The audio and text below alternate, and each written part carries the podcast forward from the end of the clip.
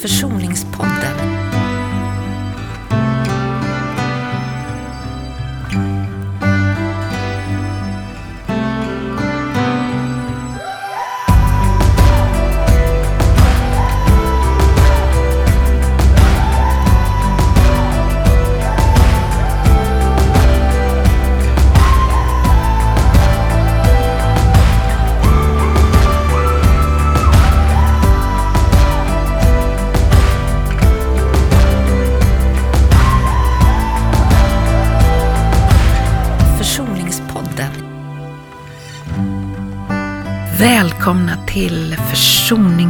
Podden. Jag heter Görel Fred och är psykoterapeut och föreläsare och författare och jag har jobbat mycket med ämnet försoning. Och eh, tillbaka i studion är Ulrik Molin sedan förra veckan. Ulrik, du och jag pratade mycket anknytning och vi ska fortsätta på det idag. Och om man tycker att man inte riktigt eh, hänger med på något av begreppen vi pratar om så är det ju bara att gå tillbaka och lyssna på första programmet, eller hur Ulrik? Just det. För där beskriver ju du väldigt väl grunden i de här olika anknytningsmönstren som vi kommer ta upp i det här programmet. Just det. De finns i första programmet. Och det som vi slutade med sist var ju egentligen eh, hur anknytningsrelationen blir viktig för hur jag uppfattar mig själv. Om vi ska vara lite konkreta Mm. så tänker jag, jag, jag tänker på en professor som jag lyssnade på en gång som heter Anders Broberg som är en anknytningsguru kan man väl säga. Eh, och han pratade om det här med att barn visar sina behov kanske tio gånger om dagen från Ja. det att de är små. Mm. Och då så, från det dag noll, Mm. eh, de blir hungriga och Mm. trötta och så. Och då så sa han, jag bara, din reflektion på det, att då när det har gått ett år så har man ju 3650 erfarenheter i kroppen Mm. av hur man, hur man blir mottagen i sina behov. Ja. Och så sa han någonting om att ett barn klarar kanske, jag vet inte om han sa precis här, men Mm. så hörde jag det, att inte bli mottagen kanske 600 av de gångerna eller 650, men inte 3000 av de gångerna. Mm. Vad, vad tänker du om det?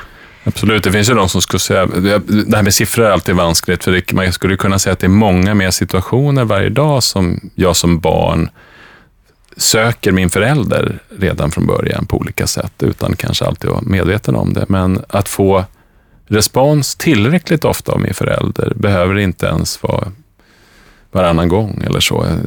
Utan det jag behöver upp, känna som barn, det är ju att när jag signalerar behov, att det är någon som svarar på dem tillräckligt ofta.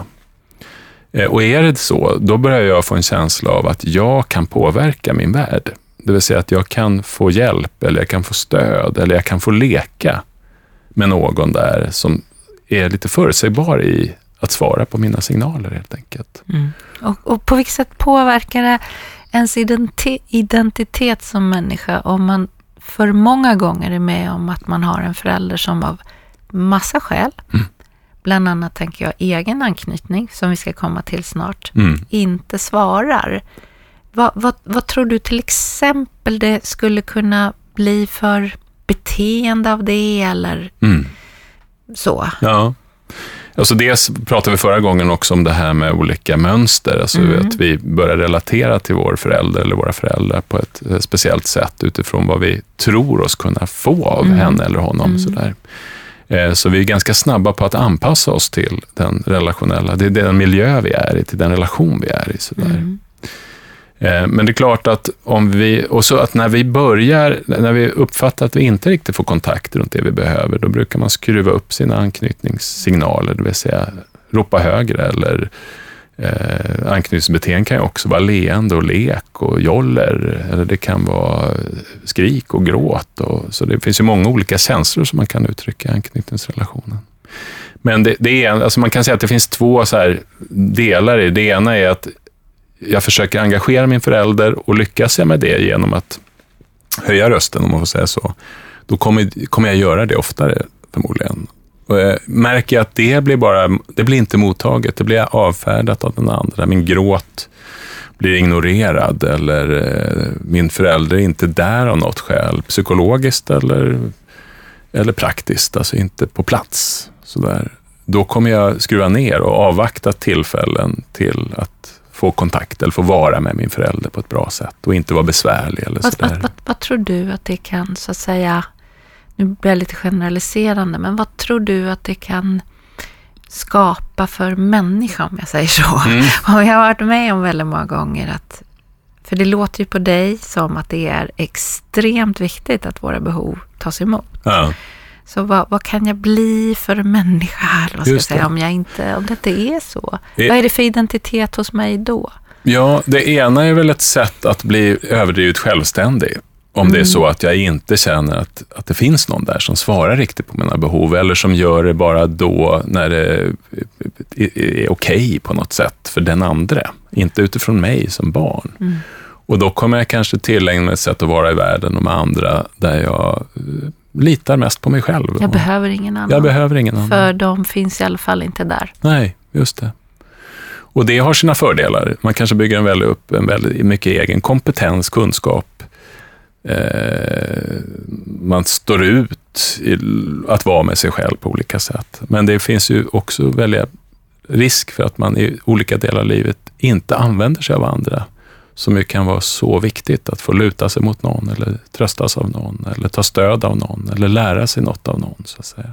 Men tänker du att det där kan sitta kvar så mycket så att när man blir vuxen sen så bara tänker man det är ingen idé att jag ber om det för det kommer i alla fall inte finnas där och det gör för Just. ont att en gång till upptäcka det. Är Absolut. det så, tänker du? Att det, man... det är ju mer det undvikande sättet helt ja, enkelt när vi pratar om mönster. Det gör, det gör för, ont. ont, så jag försöker inte ens. Nej, jag försöker. Eller jag avfärdar möjligheten innan den uppstår. Mm. Så att säga. Jag kan påbörja en relation till en partner eller en, någon som jag blir förälskad i, men dra mig ur den relationen. För vad händer när den här personen lär känna mig ordentligt? Vad kommer den tycka om mig då? Kommer jag kunna älskas? Det är ju en mm. sån fråga man kan Därför brottas det, det med eller liksom så, Det här med. tycker jag är så spännande att du mm. säger, för att jag har ju, som har jobbat jättemycket med vuxna och deras föräldrar och det här med försoning i många år. Jag tänker ju att, att som jag sa också i inledningen av förra programmet, att man, att man lätt liksom tror att om jag bara var ett annat barn mm. så skulle min förälder ha kunnat ja. ta emot mig och sett mina behov och så. Det är för att jag har varit för besvärlig eller haft för svåra behov mm. och så. Um, och så tänker jag ju att, och undrar vad, vad, du tänker om det, om man har en förälder som själv inte har en trygg anknytning, mm.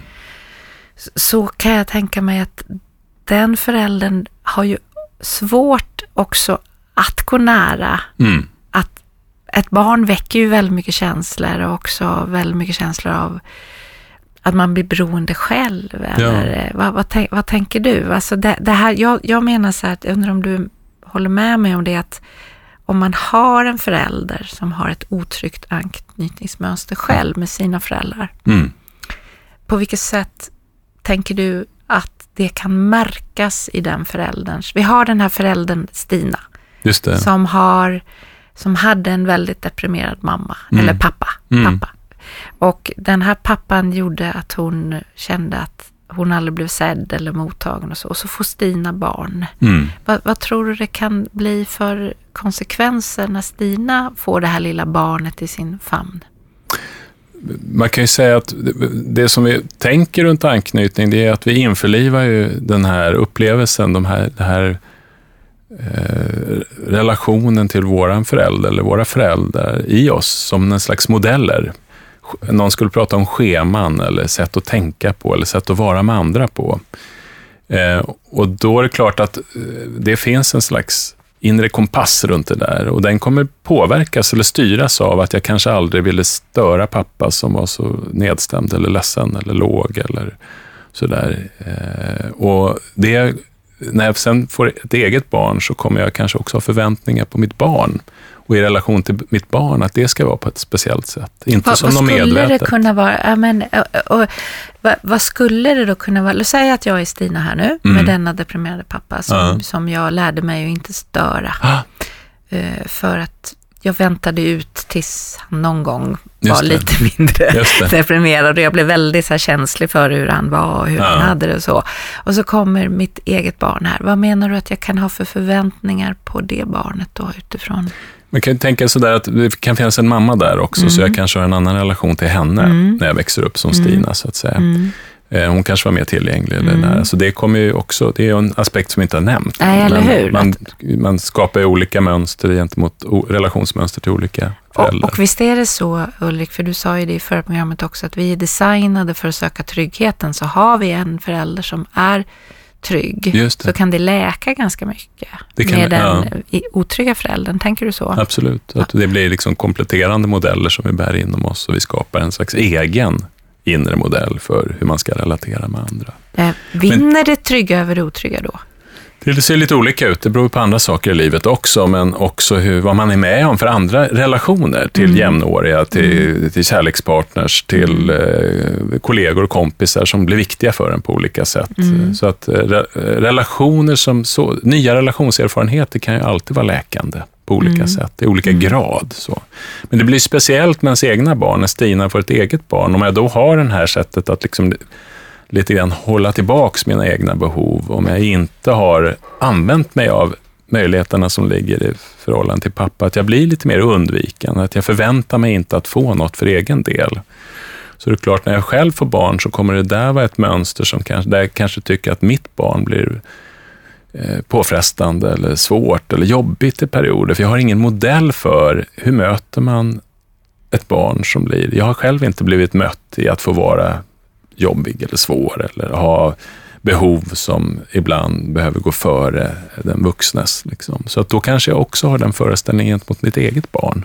Du borde gå in på ditt rum och bara lugna ner dig tills du är lättare att ha med att göra. Ja, och det här är ju känslomässiga reaktioner oftast. Det är Ja. inte så att vi tänker, det kan det vara så att vi tänker det också, men det, det är ju framförallt att vi inte riktigt kanske står ut med barnets eh, behov i alla lägen och sådär. Och att vi själva blir avfärdande i någon mån till barnet. Oj, oj, Gå in på rummet eller... Ja. Och ju mindre modeller menar du jag har inom mig från min egen anknytning, desto mer kan jag göra så här till mitt barn. Just det, För det precis. väcker det. Men om vi har Olle här då, Mm. som hade en, en mamma som han hela tiden, låt säga att hon också var deprimerad. Vi tar deprimerad. Nej, men vi tar inte deprimerad Nej, tror jag. Vi vi ta tar en mamma som är väldigt eh, kontrollerande liksom på honom och vill, eh, har en massa idéer om vad han borde eller inte borde göra. Eller om han Kritisk? fryser. Ja, det kan vara kritiskt, men det kan också vara här oro, orolig Ja. för Olle. Ja, hela tiden. Ja, och så att hon styrs, mamma här i det Olles fall, styrs av en väldigt mycket inre oro eller egna känslor kring hur det är för Olle och Mm. inte lyssnar in eller kollar av med Olle hur Olle har det, så Mm. att säga. Vilken kan- anknytning skapar han då till henne, tänker du? Och det, det är ju det som kallas att Olles mamma blir preockuperad eller väldigt upptagen av Olle utifrån sig själv, sina Mm. egna känslor. Och då, då skulle det skulle kunna lägga grunden för mer ambivalent anknytning, också en otrygg anknytning. Och då kanske deras relation präglas av att Olle så att säga, försvarar sig mot det eller håller emot eller när han blir ledsen för att tränga igenom mammans oro så att säga så måste han skruva upp sina anknytningssignaler mycket mer. Hur då? Hur skulle blir han kunna... jätteledsen eller arg eller Ah. sådär så att mamma liksom Så att det, börjar, det är börjar agera ja, på hans... Det just ja. det, precis. Det jag tänker på en, en, en, historia från, från mig själv. När Mm. jag en gång sa till mi- mitt barn som hade slagit sig, aj, aj, aj, vad ont det verkar göra, sa jag till Ja. honom. Och då, då bara slutade han att gråta och sa, mamma det är jag som har gjort illa mig, inte du. Nej, alltså det är det. den, alltså Mm. att kunna skilja på, det är det du menar. Just att det, precis. det är, jag är jag och du är du. Och har man Mm. en förälder som, är, som lägger över sina känslor Ja. hela tiden. På ett och- väldigt konkret exempel, ta på dig jackan Olle för att mamma fryser. Ja, Så kan man säga. Ja, just det. Och om man då har fått försvara sig från det mycket så... Ja, så eller tänk- engagera föräldern utifrån sina behov snarare än utifrån förälderns upplevelse Ah. eller behov. Så att säga. Då kan man säga att då kan ju det bli samma sak gentemot barnet, att jag blir lite, antingen lite upptagen av det här också med mitt barn på samma sätt, en slags relationssätt eller relationsstil. att, att det är mina behov som styr och inte mitt Just barns. det, precis. Att mina föreställningar om hur mitt barn är, har det eller hur, hur det känns för mig kommer att påverka det. Jag har svårt att se mitt barn som det barnet det är. Ja, liksom. och dess behov, liksom. Ja. dess signaler. Jag har svårt att se det där. Du och jag är inte samma person. Nej, just det. Man kan säga det. Att, att du.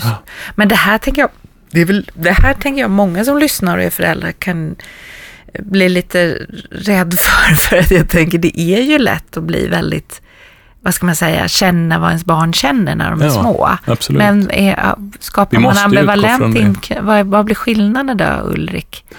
För att det är, man känner ju vad ens barn känner för Mm. att man ska kunna skydda dem. Mm. Så när blir det, vad ska man säga, en otrygg anknytning av det? Förstår du hur jag menar? Ja, just det. Och, det. och det är väl när jag inte riktigt liksom, eh, lossgör mig från min egna inre föreställning och kopplar på vad är mitt barn i? Att jag har en liten sån här prövande, frågande attityd till mitt barns signaler. Mm. Eh, att jag för snabbt gör mig en bild av vad mitt barn behöver mer utifrån mitt inre än utifrån barnets faktiska signaler och hur det svarar på mina gensvar, så att säga. Hur det hur det tar emot mina gensvar. Så, när, så när Olle blir pappa Ja. så skulle han kunna bli precis som sin mamma? ja, Tänker du det för att man, man ärver det här? just det. Skulle det kunna vara någonting annat han blir? Man kan också tänka att det här är båda olika former av otrygg anknytning Mm. och att det där slår emellan. Att Olle Mm. blir mer undvikande och backar ifrån det. Han, han har känt sig påfrestande eller jobbig gentemot sin mamma och får de signalerna från henne. Mm. Så att han blir mer avfärdande i sitt sätt, i sitt anknytningssätt. Så det, det där verkar Mot också sitt kunna... eget barn menar du? Just det, Ja. precis. Så att det är, det är inte alltid självklart, men man kan säga att otrygghet kan etableras, men sen hur jag agerar på den, om det blir mer åt det undvikande eller det eh, ambivalenta hållet, det, det, det beror lite på helt enkelt. Och sen kompenseras ju det eller förstärks av rela, andra relationer, så att säga. Men man kan säga att för Stina, som hade den här deprimerade pappan och den föräldrarelationen, om man nu liksom gör det här ganska enkelt, Ja. så kan man ju säga att hon blir, eh, man ska säga, överdrivet självständig. ja. Och om man tänker sig Olle då, om han blir väldigt upptagen av andra, av, av relationen till mamma, eller mamma blir upptagen av relationen till honom och sen fortsätter han som vuxen och blir eh, i relation till sitt barn, så kan man ju prata om att man blir väldigt beroende av relation. Vem är jag om jag inte har en relation med den andra, så att säga? Jag, blir, jag tappar bort min självständighet. Hur då menar du? Men om man tänker sig den här undvikande anknytningen är en överdriven självständighet. Jag etablerar en över, jag blir mer självständig, att jag kanske behöver och använder inte relationer. Så kan man säga i mer ambivalenta polen. Då tenderar jag att liksom vara upptagen av relationen till andra, att de ska fungera och vara bra och sådär. Och jag tappar bort möjligheten att klara mig själv. Jag utvecklar inte en egen kompetens att vara för mig själv att klara mig själv sådär, utan det är väldigt beroende av relationen till den andra eller de andra. Så För det viktiga är jag har, jag har en, en, en, en förälder då som har eh, uppträtt m- gentemot mig med att eh, hennes, eller hans behov, vi säger hennes nu då, Mm. mamma, hennes behov är de viktiga. Ja. Allt filtreras genom henne och då blir jag så att säga designad till att alltid vara i min mammas känslor. Mm. Är det för att jag så småningom ska få hennes uppmärksamhet? Om jag bara hela tiden är i min mammas känslor så kommer hon så småningom att se mig, eller? Eh, ja, Förstår du hur jag menar? ja, just det, precis. Att jag, det, det blir, jag behöver så att säga engagera henne. Mm. Så om jag engagerar henne genom mitt sätt att vara på, och det blir ju oftast att skruva upp anknytningsbehoven, Mm. att överrösta hennes Mm. inre eh, oro eller Mm. andra Mm. tankar och känslor som hon bär på, så att säga. Så att hon faktiskt ser mig för en stund. Och då är det upp till mig att engagera andra i relationer, så att säga. Så jag blir överdrivet upptagen av relationen till andra, kan man säga. För när hon har fått det där hon behöver, då kanske hon kan se mig. Är det så Just kan det. Så Men det, du, det, det, risken är ju där att man blir självutplånande, så att, Mm. att man tappar bort sig själv. mm, man, man är till för henne Man är så eller upptagen honom. av den andra. Ja. Mm. Eh, Vi pratade också om det här med ehm, desorganiserad anknytning. Just Alltså man det. har varit med om att bli skrämd eller man har en förälder som är, som, som är skrämd. Just det. Jag undrar, eh, alltså barn som får mycket kritik men inte får fysiska slag, men Ja. mycket kritik. Ja. Att du kan aldrig göra något bra eller det är typiskt dig eller så. Mm. Eh, kan man räkna dem till den här gruppen? Inte självklart, för det handlar om det här med organisation eller desorganisation. Här pratar vi inte längre om trygg och otrygg på samma sätt. Utan när jag utvecklar mig själv, mitt sätt att ta hand om mina egna känslor och kommunicera dem till andra, då kan man säga att när det, vi pratar om desorganisation, då bryter den här förmågan att reglera mig själv ihop. För att det blir, eh, jag, blir, jag har varit med om situationer när föräldern blir väldigt oförutsägbar och skrämmande, eller skrämd som vi sa, så att säga. Att föräldern kan inte hjälpa mig som litet barn eller lite större barn eller så småningom. Eh, att hitta min kompass eller mitt sätt att handskas med eller ta, svarar inte på mina signaler på ett rimligt sätt eller sådär. Och då tappar jag bort mig själv helt enkelt. Och det kan man tänka då att eh, särskilt separationer blir det där svårt, för då ska vi verkligen handskas med, eftersom det har varit livsviktigt från början.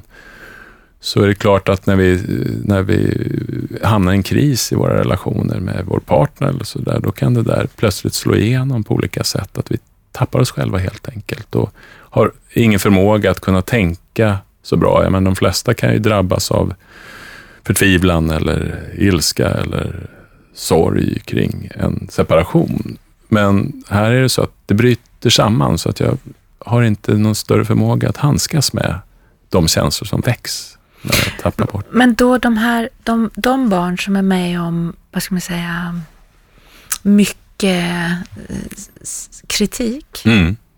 Eh, du ska inte tro att du är någon typ. Mm. Var skulle du, vad skulle du säga att det gör med människor? Alltså vilken Om- anknytning, om man har en förälder som... det är alltid allvarligt på något sätt, eller det blir, drabbar en på ett speciellt sätt när man blir kritiserad av sin förälder. Så. Men det kan ju vara något som man lär sig, alltså förväntar sig i relationen. Ah, okej. så att Så säga. så det blir förutsägbart. Det är förutsägbart. Ja, det är organiserat. Och då kan man ändå hamna på en otrygg nivå. Så att säga. Man, Mm. man blir, det, ska, det skapar en otrygg och en, ot, vad ska man säga, en otrygghet i, eller en, en, ett, en bristande tillit till, till en själv. Mm. Inte alla för, allt, för alla alltid, men, men det är inte så ovanligt att det är så att vi har den där rösten med oss i livet. Så Nej. att säga. Ja, menar jag. Mm. Så är det som, som blir kritisk, Ja, som vi har, bär med oss Ja. i, på vår axel eller i oss själva. Så att säga. Men en, en, en, ett barn till, till eh, Filip Mm. som hade en pappa som eh, var våldsam och en Mm. mamma som också var det, låt säga att det är så, som Mm. slog med varann och som, det. som slog honom och så. Och, och det har varit mycket läskigt. Ja. Det, han har sett mycket skrämmande saker. Han har en desorganiserad anknytning. Det. vilken pappa riskerar han att bli?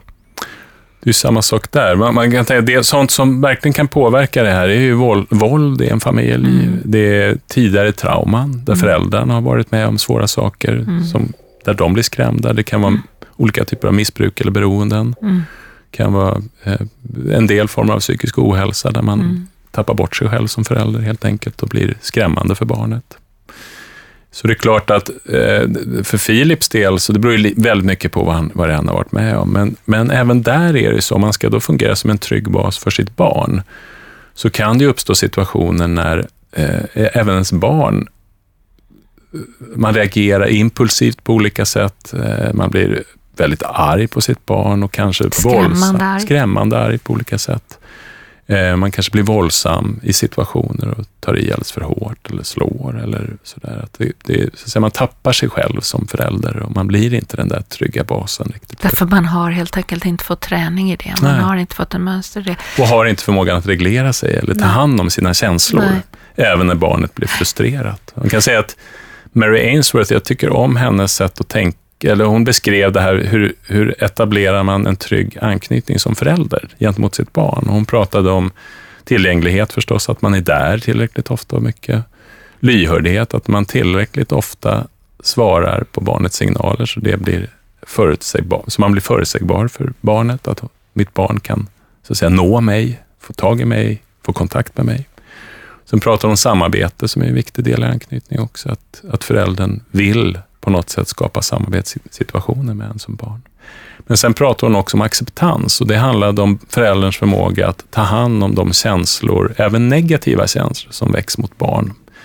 Eh, för i alla relationer så har vi också negativa känslor. Alltså vi kan bli väldigt arga, eller vi kan bli väldigt oroliga, eller vi kan bli väldigt sårade och ledsna eller så eh, i relationen. Och det sker ju också mellan föräldrar och barn, hos föräldern. Mm.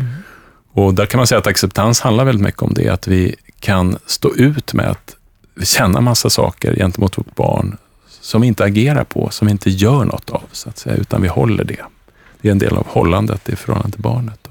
Men det är inget farligt att känna att man vill, att man blir så arg så att man vill? Nej. Som en vän till mig kände när hon åkte tåg, att hon ville slänga ut sitt barn genom fönstret. Det är inget farligt att känna det, Nej. bara man inte gör det. Just det. Precis, och det är väl det som är skillnaden på, som kan vara skillnaden om man brister i det, att man, man lyckas inte organisera sig. Nej, alltså jag, man gör det där som man jag blir, inte... jag blir rasande på mm. mitt barn för att det beter sig på ett sätt som mm. skämmer ut oss mm. eller sådär. Och då plötsligt så agerar jag på det istället för att hålla det inom mig och mm. försöka förstå det som mm. händer. Så. Men du, Ulrika, jag tänker att, att det börjar, vi har inte så jättelång tid kvar av den här programtiden heller, men jag tänker så här att Dels så tänker jag så här att man kan väl känna igen, många kan väl känna igen sig i lite av varje av det. Kan det absolut, vara så? Absolut. Alltså att man har... Och jag tror man får tänka på det, alltså alla de här olika mönstren vi pratar om och mm. sådär, de kan vi nog notera för vi är människor så att mm. säga. Eh, och vi kan tänka att vi är det. det. Det som verkar vara väldigt viktigt psykologiskt utifrån anknytningsrelationen, det är inte exakt vad vi varit med om, eh, utan det är när vi blir vuxna och kanske föräldrar själva, är hur vi handskas med det vi har varit med om. Hur vi skapar mening i det vi har varit med om. Hur vi integrerar det vi har varit med om. Eh, det finns ingen sån lagbundenhet som säger att vissa erfarenheter leder till en viss sorts sätt att vara förälder på.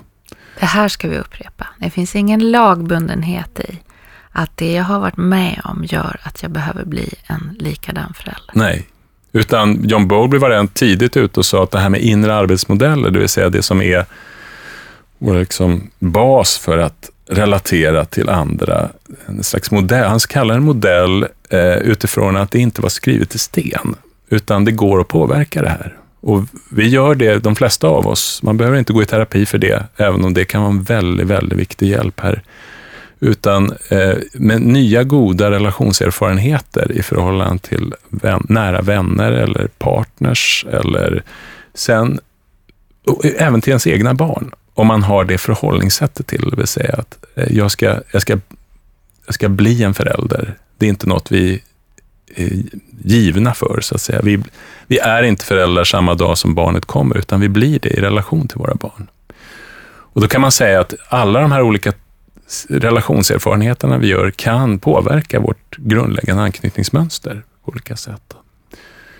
Att, att vi kan förändra det. Så just det. Och en av de saker som är viktigt då Ulrik är väl just det här att det är inte farligt att känna, det som är farligt är att agera. Precis. Till någon som, det, det tänker jag är jätteviktigt. Det är jätteviktigt. Att, att, och, och där, där, har du, precis det du säger nu är ju själva, när vi pratar om att vi blir till i anknytningsrelationen, så kan man säga att det man idag pratar om som förmågan att eh, till mentalisering eller till... Vad är eh, mentalisering? Mentalisering är ju vårt sätt att förstå våra, vårt inre i termer av känslor, tankar, eh, reaktioner på olika sätt. Och att det, eh, vårt inre så att säga, är inte verkligheten, utan det är en del av verkligheten som vi kan välja att agera utifrån på olika sätt. Så man kan säga att det är ett sätt att förstå vårt inre. Och har man en stort, stort utrymme i sitt inre, det vill säga att har man pratat om de här sakerna, har man olika typer av relationserfarenheter, så verkar det som vi har en större mer att välja utifrån eller mer olika sätt att handskas med våra känslor. Så om, om, vi pratar om dem, om vi tillåter att de är, att vi inte trycker ner dem i det. För jag kan tänka att det är en massa människor som känner igen sig nu när du pratar i de här, vad ska man säga, mer förtvivlade anknytningsmönstren som ja. du pratar om. Och då, då tänker jag ju att det är viktigt att också vara i att det är viktigt att att inte vara, jag får inte känna så här för då är jag min mamma eller Nej, pappa. Utan tvärtom. Jag känner så här och det är inte så konstigt att jag känner så här. Jag är uppvuxen med det här just och jag kan välja att inte agera på det eller ta hjälp eller göra någonting mm. annat. Mm. För, för vad jag också tänker är viktigt utifrån allt det här som du pratar om, att verkligen vara i att ha en inre arbetsmodell eller något som går ut på att om jag kommer till en förälder som ju såklart har med sig ett anknytningsmönster. Om det anknytningsmönstret inte är så gott Ja. i form av att det är desorganiserat eller det är o, alltså otryggt på olika sätt, Just det. så har det inte så mycket att göra med vilket barn jag var, Nej. utan det har väldigt mycket att göra med hur min förälder förmådde att ta emot mig Precis. utifrån sina erfarenheter. Och det har du, tycker jag, på så väldigt tydligt sätt sagt. Mm. Jag kan komma till en, till en Olle eller Stina eller Fredrik som har varit med sig det här och Mm. därför bemöter mig som barn på ett sätt som har att göra med bara att jag finns. Mm.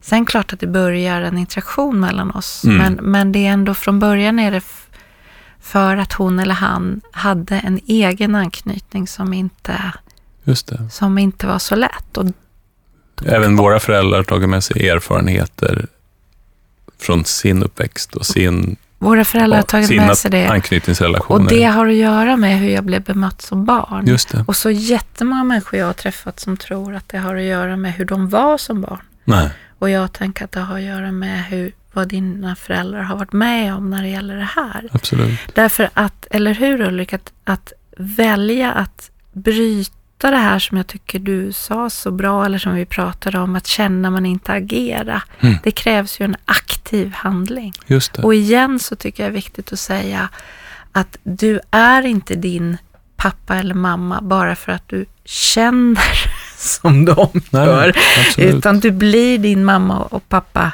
när du gör som de gör. Mm. Kan man säga så, Ulrik? Det, kan, det tycker jag är ett bra sätt. Sen kan man väl säga att du är aldrig din mamma. Nej, nej, nej. Och du är aldrig din pappa. Nej, du nej. är bara du, Görel Jo, men Fred alltså en, en, Ulrik en, Molin. en produkt av, eller vad man ska Precis. säga, när man blir så här, jag är precis som min mamma. Ja. Så tänker jag så här att, och då kan man, tror jag, det är det jag pratar med dig om nu, man kan bli rädd för att nu, min mamma sa till mig att jag var eh, skitjobbig och Mm. nu tycker jag att min unge är skitjobbig. Mm. Och så, så vågar man inte ens känna det.